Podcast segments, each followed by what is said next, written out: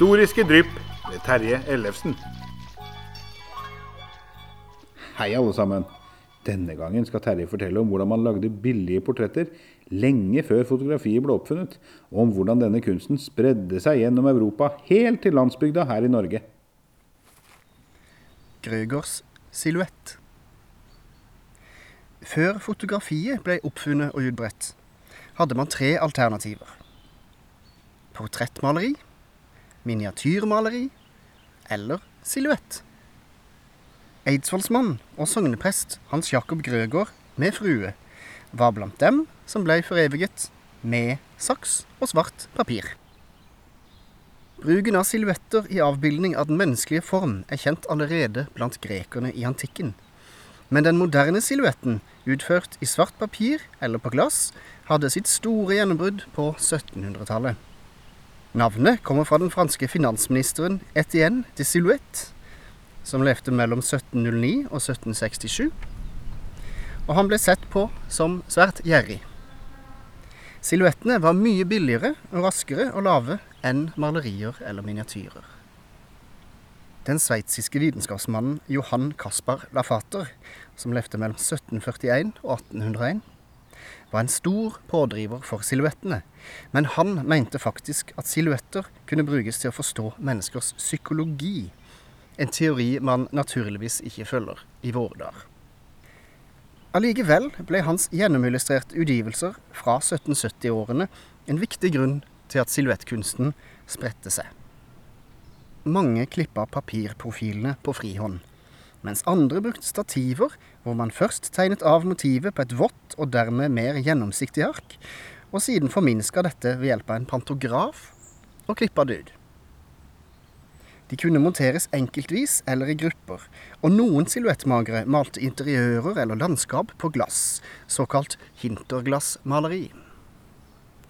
Det var særlig i perioden ca. 1750 1850 at silhuettkunsten hadde sin storhetstid. Spesielt i tiårene rundt århundreskiftet var man aktive i så måte. Etter at fotografiet ble utbredt, forsvant silhuettkunstnerne. Men det var ikke uvanlig for amatører å fortsette virksomheten, selv om yrket forsvant. Slike figurer kunne òg brukes til skyggeteater, men vanligst var å lime dem inn i albumer, eller å henge dem på veggen i glass og ramme. Dansken Jørgen Dus har skrevet en praktfull bok om silhuettmagere i tvillingriket Danmark-Norge. Og flere kjente silhuettkunstnere lar seg oppspore på sine reiser ved hjelp av avisannonser, eller i noen få tilfeller påskrifter på baksiden av silhuettene. Silhuettørene måtte belage seg på mye reisevirksomhet. I Danmark kan man spore virksomheten stort sett i hver eneste krok av landet. Og hvert store navn innen yrket kunne ha mangfoldige tusen silhuetter på samvittigheten. I første omgang var det de samme som var aktive i Danmark, som dro hit til lands, men snart dukka det også opp lokale silhuettører i Norge. Avisannonsene viser at mange av de hjemmegrodde silhuettørene gjerne drev med en rekke helt forskjellige håndverk samtidig. F.eks. tannlegekunsten eller lærervirksomhet. Så vi kan slå fast at det eksisterte ambisiøse gründere også den gangen. Skulle man komme seg noe sted her i verden, var det positivt å ha flere bein å stå på. Det sier seg selv at silhuettmarkedet ikke var så veldig stort. Fra Danmark ser vi at de store silhuettkunstnerne gjerne dro til forskjellige landsdeler fra gang til gang, slik at det ble tid å bygge opp et nytt kundegrunnlag der de nylig hadde vært. De måtte altså la visse områder hvile en periode før de kunne komme tilbake. Men det fins en silhuett av Hans Jakob Grøger og frue. Dessverre har det ikke latt seg oppspore hvor originalen til Grøger-silhuetten befinner seg, eller hvem som eier den. Derfor er den bare kjent fra bøker. Silhuetten viser fra venstre fru Anne Marie Grøger sittende med strikketøy. Så herr Grøger med en lang pipe. Imellom ekteparet står tebordet dekka, og de er innramma av havplanter. Det ligger i silhuettens natur at det er noe begrensa detaljnivå på motivet. Men vi kan allikevel si noe om herr og fru Grøger.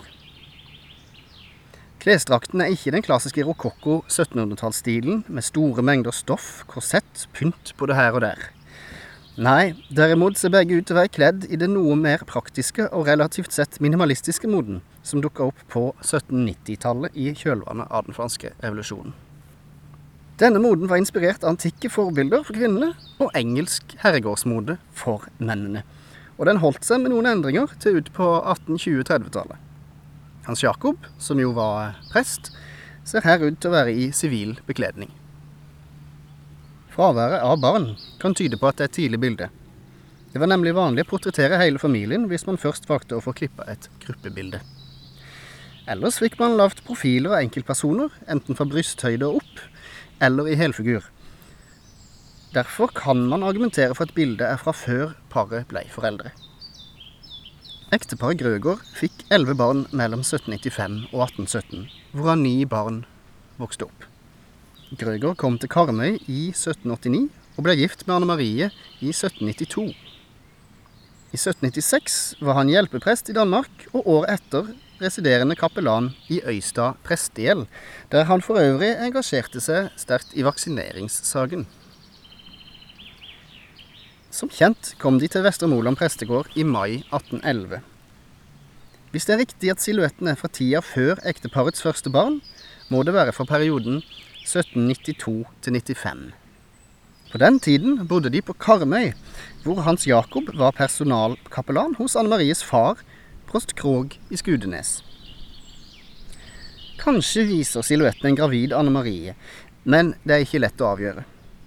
Det kan også være at den er klippa seinere, og at barna av en eller annen grunn ikke er tatt med, selv om det var uvanlig å ikke ta dem med. Men hvem kan ha klippa denne silhuetten? Uten å ha sett originalen er det vanskelig å uttale seg. Eventuelle påskrifter er utilgjengelige. Og mange silhuetter har heller ikke noen påskrift bak. En person med inngående kjennskap til de forskjellige utøvernes stiler og særtrekk vil utvilsomt kunne si mye mer. Her skal jeg kun forsøke å gi en oversikt over hvilke silhuettører som vi vet kan ha vært på rett sted til rett tid. Grøgers var i Øystad ca. 1800 til 1811, og i Vestre Moland fra 1811 til 1823. Hvis silhuetten er fra ekteparets tid i Nedenes amt, har vi noen mulige kunstnere. Danske Frans L. Schmitz var på reise i Norge sommeren og høsten 1802. Blant annet så vet vi at han var innom Kristiansand. Han var flere ganger i Norge i årene fram til 1814 og han var beviselig i vår landsdel også de fleste andre gangene. J. Brix, en amatør, averterte i Kristiansand i 1803. Fra Grimstad er det kjent at G. Helmer klippa silhuetter i 1805. En annen dansk silhuettør, B.J. Greve, averterte i Kristiansand i 1806, men utover dette hadde ikke lykkes med å finne noe mer konkret. Men hvor ble denne silhuetten klippa? Hans Jakobs far, Johannes, var ifra Kristiansand. Vi vet også fra skriftlige kilder at Grøgaard i løpet av sin tid i Øystad og seinere Vestermoland dro til Kristiansand iblant. Derfor kan vi regne det som ikke usannsynlig at paret kan ha befunnet seg i den byen samtidig med at en av silhuettørene befant seg samme sted. Likeledes er det absolutt ikke usannsynlig at en silhuettør kan ha besøkt et av stedene ekteparet befant seg. Silhuettøryrket medførte mye reising til nye steder. Ethvert steds kundegrunnlag ville bli midlertidig brukt opp, noe som gjorde at silhuetørene gjerne hadde litt forskjellig reiserute ved hvert norgesbesøk. Vi får neppe noe endelig svar på hvem som klippa Grugers silhuett før originalen kommer fram fra skyggene.